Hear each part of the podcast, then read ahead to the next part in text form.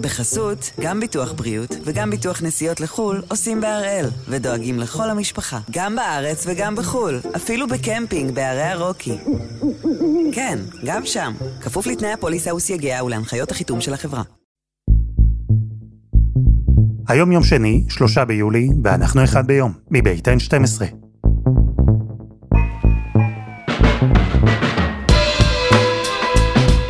אני אלעד שמחה יופי, אנחנו כאן כדי להבין טוב יותר מה קורה סביבנו, סיפור אחד ביום, בכל יום.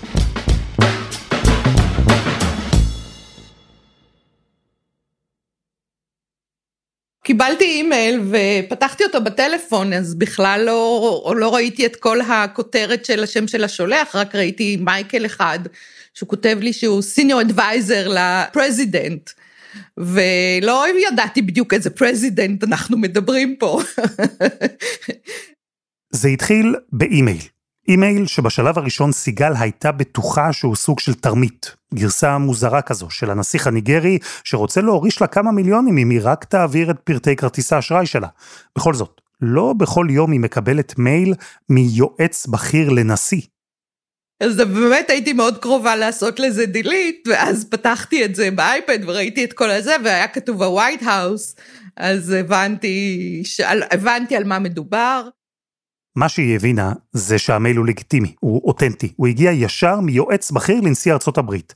ושם היה כתוב שלבית הלבן יש בקשה מיוחדת ממנה.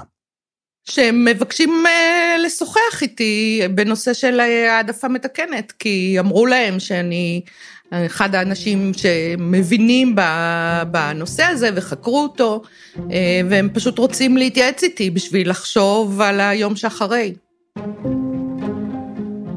כשסיגל אומרת היום שאחרי, היא מתכוונת ללפני יומיים. היום שאחרי ההחלטה הדרמטית של בית המשפט העליון בארצות הברית לבטל נוהג של עשרות שנים. העדפה מתקנת לטובת סטודנטים שחורים במוסדות להשכלה גבוהה. אז אני דיברתי עם ה-Senior Advisor ועם אנשים מה-Domestic Policy Council. עשינו כמה שיחות בזום על החלופות והעליתי בפניהם כל מיני אופציות שיכול להיות שהמוסדות יצטרכו לקחת בחשבון.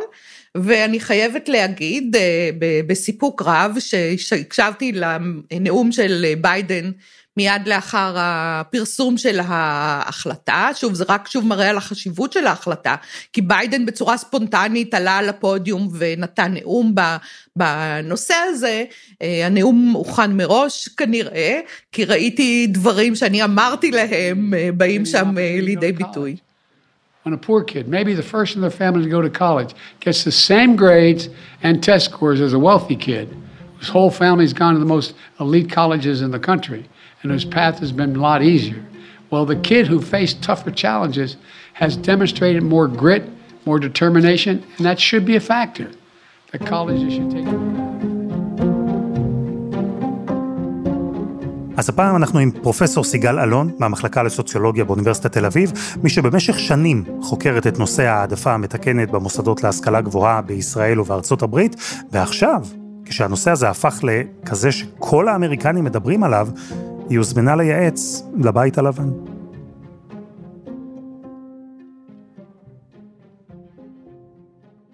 העדפה מתקנת לטובת סטודנטים שחורים קיימת במוסדות להשכלה גבוהה בארצות הברית כבר כמה עשורים, אבל הסיפור שלה מתחיל בעצם הרבה קודם.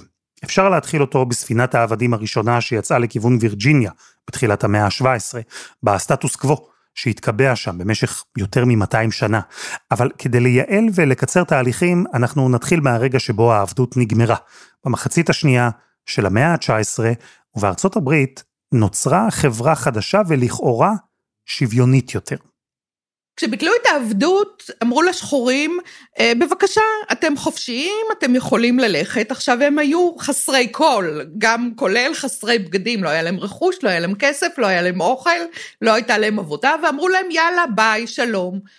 וכמובן שרבים מהם לא הצליחו אה, להתקיים ולהסתדר וחלק גדול מהם חזר להיות עבדים פשוט בשביל לשרוד ולהישאר בחיים.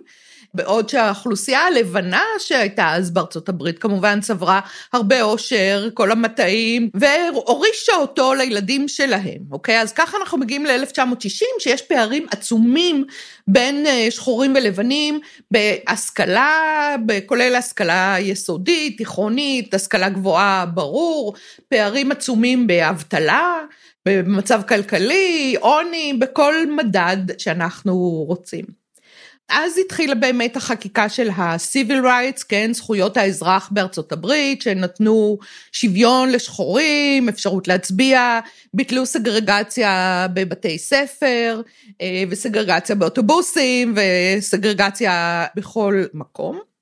עכשיו, ב-1965, אומר לינדון ג'ונסון, שהוא היה אז אה, נשיא של ארצות הברית, הוא אומר את זה בהרצאה באוניברסיטה. You do not take a person who for years has been hobbled by chains and liberate him, bringing up to the starting line of a race, and then say, you are free to compete with all the others, and still justly believe that you have been completely fair. הוא אומר, לא לוקחים אדם שהיה כבול בשלשלאות כל חייו, ומביאים אותו לקו המרוץ, ואומרים לו, בבקשה, אתה חופשי להתחרות עם כל האחרים, ועדיין להאמין שאנחנו הוגנים, שאנחנו אומרים לו את זה. אז כך שהאמרה הזאת היא בעצם אומרת שיש הבדלים, ו- ורק להגיד לכולם, אתם עכשיו חופשיים, כל אחד יכול להתקבל להרווארד, זה לא באמת להיות הוגן אם אנחנו לא לוקחים את מה שאנשים עברו עד אז. ההבנה הזו, שאי אפשר לקחת פער עצום שנפער במשך מאות שנים וכאילו לבטל אותו בהחלטה אחת, הבשילה במוסדות להשכלה גבוהה די מהר. זה לא היה חוק שכפה עליהם, זו לא הייתה דרישה מבחוץ. עם ביטול ההפרדה בחינוך, התנועה לשילוב התחילה מבפנים. התחילו האוניברסיטאות שרצו להכניס שחורים, רצו להשתתף. דרך אגב, הלחצים האלה הגיעו מחברי סגל שלהם, ובעיקר ומסטודנטים. כלומר, זה לא שהאוניברסיטאות עצמם התנדבו לעשות את זה, אלא התחילה כל התנועה של ה-60's, כן, התחילה בעצם לחלחל גם לתוך המוסדות המאובנים של השכלה גבוהה, וגם הם התחילו כל מיני ניסיונות, וזה היה וולונטרי לחלוטין. באנגלית קוראים לזה affirmative action, המילה affirmative זה חיובי. אוקיי? אז בעצם אנחנו אומרים, עומדים על קו הזינוק סטודנט שחור וסטודנט לבן, סטודנט הלבן מבוסס 20 דורות בארצות הברית, כסף והכל והכל והכל, סטודנט השחור אולי גם באותו זמן, אולי אפילו יותר, אבל בעצם הוא חסר כל, חסר משאבים, חסר אה, הון אה, תרבותי, הון כלכלי, הון אנושי וכדומה, ולכן אומרת התפיסה הזאת של העדפה המתקנת, בואו אנחנו קצת נשים אותו, ניתן לו קצת פור במרוץ הזה, כן? נקדם אותו טיפונת, כן? ומאותו רגע הסטודנט צריך להסתדר לבד, הוא צריך ללמוד, הוא צריך לקבל ציונים טובים, אבל אנחנו קצת נקל עליו על הקבלה, כי אם אנחנו אומרים שלסטודנט הלבן יש ציון אה, פסיכומטרי, אה, לא יודעת, 715, ולשחור יש ציון 700, זה עדיין מאוד מרשים, אותי לפחות, שסטודנט שחור שבא עם כל כך הרבה חסרונות לאותו קו המרוץ, יש לו 700, בעיניי הוא הרבה יותר מוכשר מהסטודנט הלבן שחי כל החיים בסיטואציה פריבילגית. הקריטריון שנקבע אז הוא גזע. זה הרף. לא משנה אם הסטודנט הפוטנציאלי הגיע ממשפחה עשירה או ענייה, משכונה חזקה או חלשה, איזה נסיבות חיים יש לו, השאלה היא שייכות לקבוצה. אם הוא אפרו-אמריקני, הוא היה זכאי להעדפה מתקנת. זהו. ובתחילת הדרך, ב-60's, גם בחלק גדול מה-70's, המודל היה מכסות. כל מוסד קבע כמה סטודנטים במסגרת העדפה מתקנת הוא יכול לקבל בשנת לימודים, ולפי המספר הזה היה מקבל או דוחה נרשמים. וזה יצר מצב שבו סטודנט שחור היה יכול להירשם ולהתקבל ללימודים, למרות שהציונים שלו נמוכים משמעותית מאשר סטודנט לבן, רק כי היה צריך למלא את המכסה. כמה שנים חלפו עם המודל הזה, ובשנת 1978 הפרקטיקה הגיעה לדיון בבית המשפט. התביעה הראשונה שכבר הוגשה לבית המשפט העליון, שהגיעה עד לבית המשפט העליון, הייתה תביעה של סטודנט בשם אלן בקי. אלן בקי הוא היה מהנדס, הוא שירת בווייטנאם, היה לו אפילו תואר שני בהנדסה, והוא החליט שהוא רוצה ללמוד לימודי רפואה. הוא התפנה לבית ספר לרפואה באוניברסיטת קליפורניה בקמפוס שנקרא דייוויס, והוא נדחה. והוא הגיש תביעה אה, שהוא הופלה. שהוא מופלה בגלל צבע העור שלו, כן? וצריך להבין שיש תיקון, תיקון 14 לחוקה האמריקאית, שאומר שאסור להפלות, שכולם שווים בפני החוק. יש גם בחקיקה של ה-Civil Rights עצמה, שג'ונסון אסר, יש עוד סעיף ברור שאומר שאסור להפלות על בסיס גזע או השתייכות אה, אתנית כלשהי. והמקרה הזה הגיע לבית המשפט העליון. אותו אלן בקי היה אדם לבן, והוא טען שההעדפה המתקנת מפלה אותו כאדם לבן. עובדה, הציונים שלו גבוהים, קורות החיים שלו מתאימים בול, אבל הוא לא מתקבל ללימודים. כי זכאי ההעדפה המתקנת מובטחים שם, בתוך מכסות. אז דבר ראשון שבית המשפט אמר בפסיקה הזאת, שאסור לעשות מכסות. החלק השני שהם אמרו, זה שאפשר להמשיך עם המדיניות הזאת של העדפה מתקנת.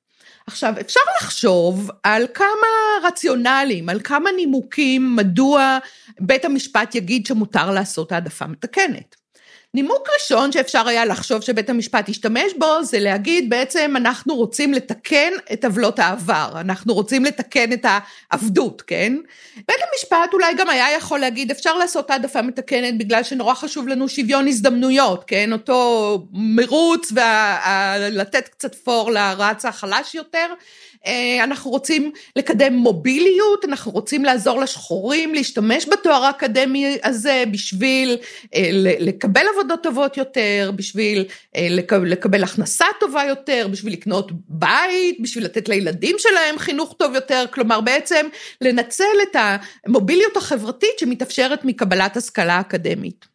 בית המשפט העליון בפסיקה שלו ב-78 שהייתה, לא בחר באף אחת משתי האפשרויות האלה, למה מותר לעשות העדפה מתקנת. הוא אמר שמותר לעשות העדפה מתקנת מסיבה אחת ויחידה, וזה ליצור גיוון בהשכלה גבוהה. בעצם הוא אומר, למען, הגיוון הוא באנגלית הם כתבו את זה compelling interest, כן? זה אינטרס חברתי של המדינה ושל החברה, שיהיה גיוון בהשכלה גבוהה, שכמובן מוביל אחר כך גם לגיוון בשוק העבודה וכדומה, אבל זה הנימוק היחידי שמותר היה לעשות העדפה מתקנת. הפסיקה הזו, במקרה של בקי נגד בית הספר לרפואה על שם דייוויס בקליפורניה, הפכה למכוננת בכל מה שקשור להעדפה מתקנת. נכון, היה לבקי קייס נגד המכסות, המכסות גם בוטלו לפי הפסיקה הזו, אבל הפרקטיקה עצמה של העדפה מתקנת במוסדות להשכלה גבוהה, היא קיבלה בפעם הראשונה אישור משפטי. והכל בשם ולמען הגיוון. הפסיקה הזאת היא באמת נחשבה כניצחון מוחלט. היא נחשבה כניצחון מוחלט, אפשר להמשיך לעשות העדפה מתקנת, בסדר, אי אפשר לעשות מכסות, זה בסדר, אבל אנחנו יכולים להמשיך, והיא הלכה והתגברה. התחילו לעשות העדפה מתקנת גם, דרך אגב, לא רק לשחורים, אלא גם להיספנים, שהתחילה בשנות ה-80 יותר, התחילה הגירה מדינות אה, אמריקה הלטינית, התחילו לעשות העדפה מתקנת גם אה, להיספנים, והעדפה מתקנת היא הייתה, היא הצלחה מסחררת, היא הכניסה באמת קבוצות מיעוט, בעיקר שחורים אבל גם היספנים למוסדות להשכלה גבוהה, שיעורה שלהם בקרב מקבלי התארים עלה, הם קיבלו תארים מאוניברסיטאות יוקרתיות, הם עשו את ה networking עם סטודנטים אחרים, הם אה, הפכו להיות רופאים, הם הפכו להיות עורכי דין, כלומר מקצועות צווארון לבן, מקצועות עם הכנסה גבוהה, ובעצם נוצר מעמד בינוני או אפילו מעמד גבוה של שחורים. כלומר, בראייה היסטורית, המדיניות הזאת של העדפה מתקנת היא הצלחה מסחררת לחברה האמריקאית, לכלכלה האמריקאית.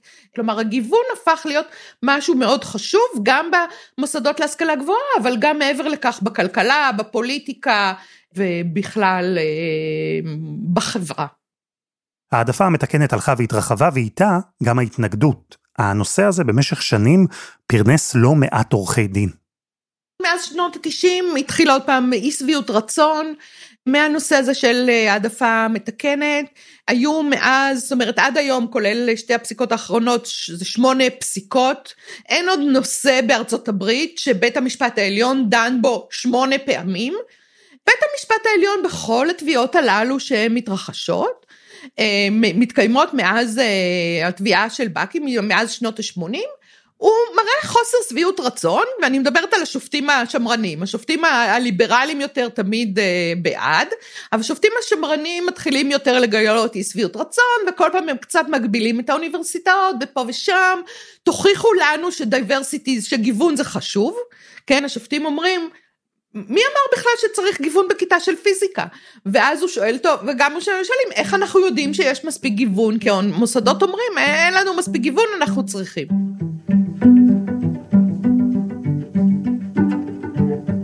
חסות אחת, וממש מיד חוזרים.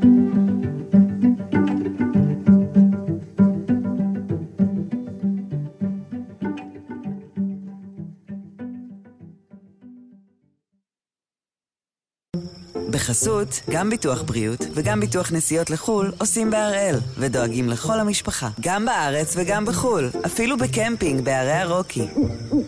כן, גם שם, כפוף לתנאי הפוליסה וסייגיה ולהנחיות החיתום של החברה. אנחנו עם ההחלטה של בית המשפט העליון בארצות הברית לבטל את העדפה המתקנת שהכניסה בעדיפות מיעוטים אל תוך המכללות והאוניברסיטאות היוקרתיות ביותר, ומשם באופן טבעי גם סללה להם מסלול קריירה וחיים שאחרת לא באמת הייתה להם אפשרות לצעוד בו. וכשהפרקטיקה הזו התחילה לצבור פופולריות ולהתרחב, פרופסור סיגל אלון הייתה בארצות הברית. והיא החליטה להתמקד במחקר בהעדפה מתקנת שם, בארצות הברית. עד ששאלה מקרית ששאל אותה נשיא אוניברסיטת פרינסטון לשעבר, הולידה אצלה מחקר חדש. באחת הפעמים שנפגשתי עם ביל בוהן, אז הוא אמר לי, תגידי, יש בישראל העדפה מתקנת?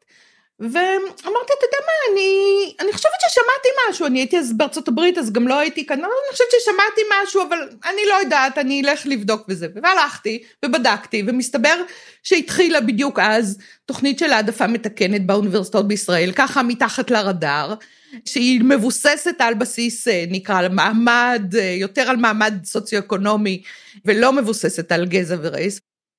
איך זה התחיל אגב? זה התחיל, התוכנית התחילה בפקולטה למשפטים באוניברסיטת תל אביב, באופן וולונטרי לחלוטין, כלומר בא, זה היה מני מאוטנר, כן, הוא היה פרופסור משפטים, ואמר, לא יכול להיות שאני יושב בכיתה במשפטים ואני רק רואה ילדים מרמת השרון וצפון תל אביב, אוקיי? כאילו איפה הגיוון בחברה הישראלית? זה חשוב שיהיה גיוון בשביל שנשמע דעות שונות וכדומה וכדומה. אה, ואז הם התחילו לחשוב מה לעשות, ומצאו שיש, היה אז מכינות, אה, ליד, ליד כל אוניברסיטה היו גם מכינות, והיה איזה מודל של מיון למכינות, אמרו טוב נשתמש בזה, לא בדקו מה זה עושה וזה, אבל זה היה מודל שמבוסס על חסרונות מבניים, כן? מי שלמד ב... בית ספר חלש, או בעיירת פיתוח, או באזור עני, כלומר זה לא על המאפיינים האישיים של האנשים עצמם.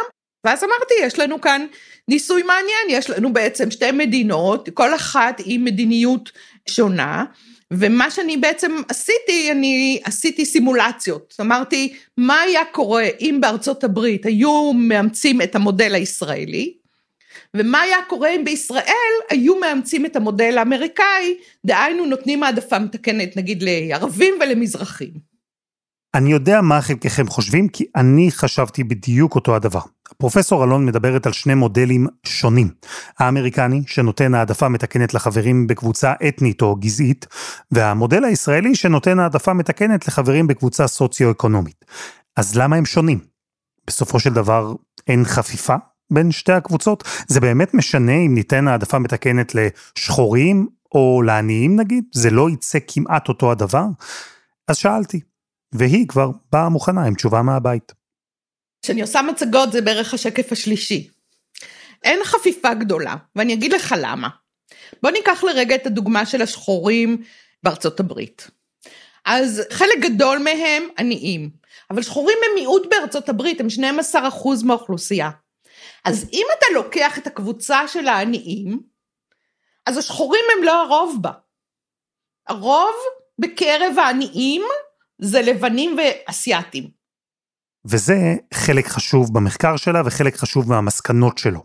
פרופסור אלון הראתה שאם לוקחים את המודל הישראלי, זה שבוחן מצב סוציו-אקונומי, ועל סמך זה נותן העדפה מתקנת, אז שיעור הסטודנטים האפרו-אמריקניים במוסדות היוקרתיים להשכלה גבוהה ירד משמעותית, הוא יצנח. במקומם ייכנסו סטודנטים לבנים, ממשפחות מעוטות יכולת. זו מציאות אקדמית שונה לחלוטין, ויותר מזה, זו מציאות שתשנה את החברה האמריקנית, את האופי של עורכי הדין, הרופאים, הפוליטיקאים, הכל. אז שתי התוכניות עושות גיוון, כן? הוא רק גיוון בכיוונים אחרים, וכאן אני אומרת, זאת החלטה חברתית, מה חשוב לנו בנקודת הזמן הנוכחית, איזה גיוון אנחנו רוצים כרגע ליצור. אין, אין תשובה, אין תשובה נכונה. ויש משהו שחשוב להבין בעניין של העדפה מתקנת. זה תמיד היה אמור להיות כלי זמני, לא מצב קבוע. כלי שיעזור להתגבר על איזה פער, אולי במשך דור, אולי שניים, אולי שלושה, אבל כלי שבסוף לא יזדקקו לו. שהמציאות תתאזן כבר לא נצטרך להעדיף באופן מלאכותי קבוצה אחת על פני השנייה. וכשהתחילו להתגבר השאלות סביב העדפה מתקנת, סביב המושג של גיוון, שבשמו היא ממשיכה להתקיים, סביב איזה מודל בכלל נכון לבחור. האם זה בסדר לדוגמה שהבנות של אובמה זכאיות להעדפה מתקנת רק בגלל צבע העור שלהן? ובלי קשר לכך שהן בנות של נשיא לשעבר. וכששופטים שמרנים הביעו במשך השנים יותר ויותר ספקות לגבי כל הסיפור, במצב הזה הגיעה העתירה הנוכחית לבית המשפט העליון בארצות הברית. מי שהגיש את שתי התביעות זה קבוצה של סטודנטים סינים בעיקר מקליפורניה, שהם דור ראשון בארצות הברית בכלל, כלומר הם מהגרים מסין ל- ל- לאחרונה, או בכמה עשורים האחרונים לארצות הברית, והם אה, אומרים, יש לנו ציונים אה, גבוהים בפסיכומטרי, וציוני בגרות, והישגים אקדמיים מצוינים, ועדיין במקומנו מקבלים את השחורים. We studied hard for our standardized testing. and many of us far surpassed the admission requirements set by Harvard and other colleges just for us to be rejected for the sake of preserving their definition of a racially diverse campus. The sad reality... ובית המשפט העליון אמר עכשיו שאכן יש כאן אפליה של אסיאתים. הוא כתב, גיוון זה כבר לא אינטרס כל כך חשוב לחברה, ולכן בעצם הוא פסל את ההמשך של התוכנית של העדפה מתקנת, כי שוב, אם אין את האינטרס החברתי שמצדיק את האפליה הזאתי, אז בעצם מה שנשאר זה רק התיקון הזה לחוקה, ולכן אי אפשר לעשות יותר את העדפה המתקנת. יש ביטוי שגור שהוא גם ביטוי מוטעה, אפליה מתקנת. פרופסור אלון הסבירה שאין דבר כזה. יש העדפה מתקנת ויש אפליה. וכאן בית המשפט האמריקני החליט שמדובר באפליה. הוא לקח את עקרון הגיוון שקבע בית המשפט ב-1978, ואמר שהוא חשוב פחות מאשר להגן על קבוצות באוכלוסייה שלא זכאיות להעדפה מתקנת ומופלות לרעה. ועם הפסיקה הזו, הסערות בארצות הברית געשו. ביידן, אובמה ועוד מנהיגים דמוקרטיים יצאו נגד. הרפובליקנים, ברובם, חגגו. אז מוסדות לא יכולים יותר לתת איזושהי אה, עדיפות. יש כמה אפשרויות. אז אחת האפשרויות שכן נפתחה בפסיקה של, אה, של, ה, של בית המשפט העליון, זה שאמר השופט רוברטס, שאומנם אסור להשתמש ב race, כמו שאמרנו, כקטגוריה גורפת, כן, כקריטריון קבוצתי, אבל הסטודנטים צריכים לכתוב איזה מסמך כזה, אסיי, בפניות שלהם למוסדות, הם יכולים באסיי שלהם לכתוב שהם סבלו מאפליה גזעית, ושהיו להם אפשרויות מוגבלות בגלל שהם שחורים, ולהורים שלהם לא היה בית, והתעללו בהם, וכדומה וכדומה. כלומר, אז עברנו מאותו קריטריון קבוצתי שדיברנו עליו, עברנו עכשיו לקריטריון אינדיבידואלי. מה עוד יכול לקרות? המוסדות יכולים גם להחליט שהם עוברים לתת אה, העדפה מתקנת על בסיס מצב סוציו-אקונומי, על בסיס מעמדי, כן? אותו, אותם סימולציות שאני עשיתי אה, כבר אה, בארצות הברית, ולכן הבית הלבן רצה לדבר איתי בשביל לשמוע מה התוצאות, וכמו שאמרתי, אין פתרון קסם, אה, לא יוכלו, מצב כלכלי לא יוכל לשחזר את השיעור של השחורים וההיספנים במוסדות השכלה גבוהה, כי רוב הנהנים מהעדפה כזאת יהיו אסיאתים. אז פרופסור אלון קיבלה אימייל מיועץ בכיר בבית הלבן, זה קרה עוד לפני הפסיקה של בית המשפט, כי היה כבר ברור לאן זה הולך, וביקשו להתייעץ איתה. בהנחה שהמודל הנוכחי, זה שקיים מאז 1960, בהנחה שהוא מבוטל, מה אפשר לעשות? איזה מודל אחר נכון שנבחר? והיא הציגה את המודלים ואת האפשרויות, אבל היה דבר אחד במיוחד שהיה לה חשוב לומר. העדפה מתקנת אחת שלדעתה חייבים לטפל בה. כאן יש את הפיל שבחדר, וזה כל העדפות המתקנות האחרות, שוב, אתלטים, ילדים של סלבריטיז, uh, תורמים, רקדניות וכדומה. והדרך היחידה שבה אה, אם אנחנו עושים העדפה מתקנת על בסיס מעמדי, יכולה אכן לשמר את שיעור השחורים במוסדות להשכלה גבוהה, זה אם המוסדות יבטלו את אותם העדפות, את אותם לגאסיס, כן, העדפות שהן נותנות לילדים של, אוקיי? כי אז פתאום נהיה למוסדות יותר מקום בשביל להכניס לכיתה עוד קבוצות אחרות, אוקיי? כי, כי ההיקף של העדפות המתקנות האחרות הוא די גדול, הערכות, המוסדות לא בדיוק מדווחים, אבל ההערכות היא שמדובר בערך על 14 אחוז או 15 אחוז מגוף הסטודנטים במוסדות הסלקטיביים, זה המון. העדפה מתקנת לדור המשך, מה שנקרא legacy. זו הפרקטיקה שדרכה אנחנו שומעים את הסיפורים על סבא שלמד בייל, והבן והנכדים, וכולם למדו בייל, ובארוחה המשפחתית הם לובשים כולם סוודרים של ייל, ואם פתאום הנינה מחליטה ללמוד בפרינסטון, עושים לה פרצוף ומנשלים אותה מהצבא. אז זה זה.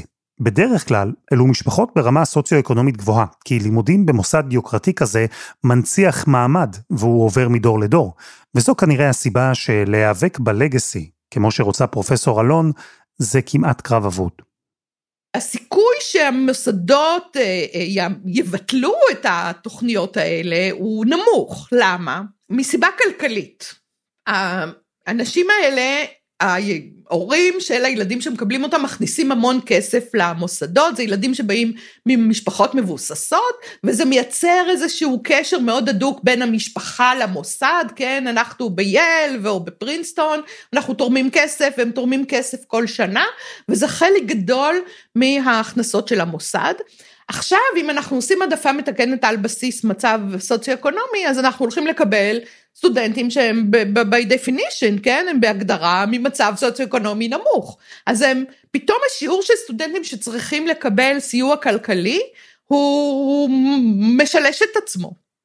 אנחנו מדברים במוסדות האלה, שכר הלימוד השנתי הוא בערך, אה, אולי זה כבר אפילו יותר מזה, בערך 70 אלף דולר בשנה, אוקיי? וזה לימודים של ארבע שנים. כן? זה, זה סכומים מטורפים.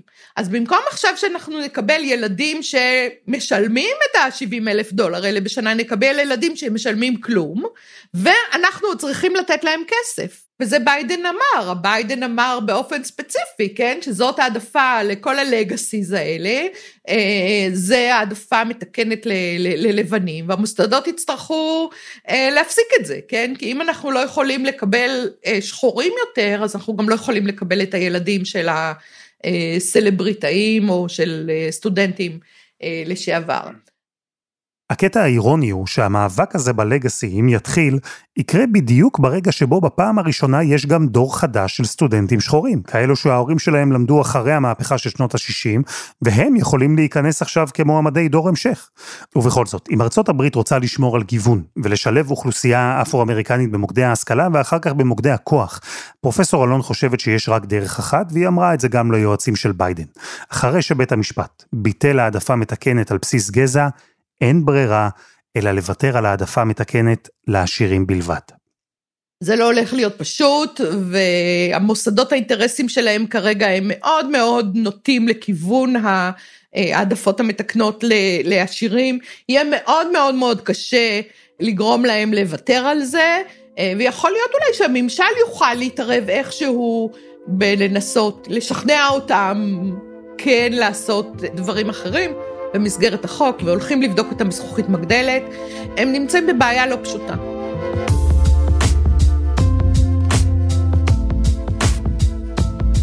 פרופסור סיגל אלון, תודה. תודה לך ותודה למאזינות ולמאזינים.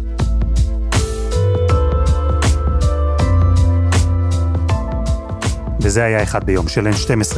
אנחנו מחכים לכם בקבוצה שלנו בפייסבוק, חפשו אחד ביום, הפודקאסט היומי. העורך שלנו הוא רום אטיק, תחקיר והפקה, דני נודלמן, שירה הראל, עדי חצרוני ורוני ארניב. על הסאונד, יאיר בשן, שגם יצר את מוזיקת הפתיחה שלנו, ואני אלעד שמחיוף. אנחנו נהיה כאן גם מחר.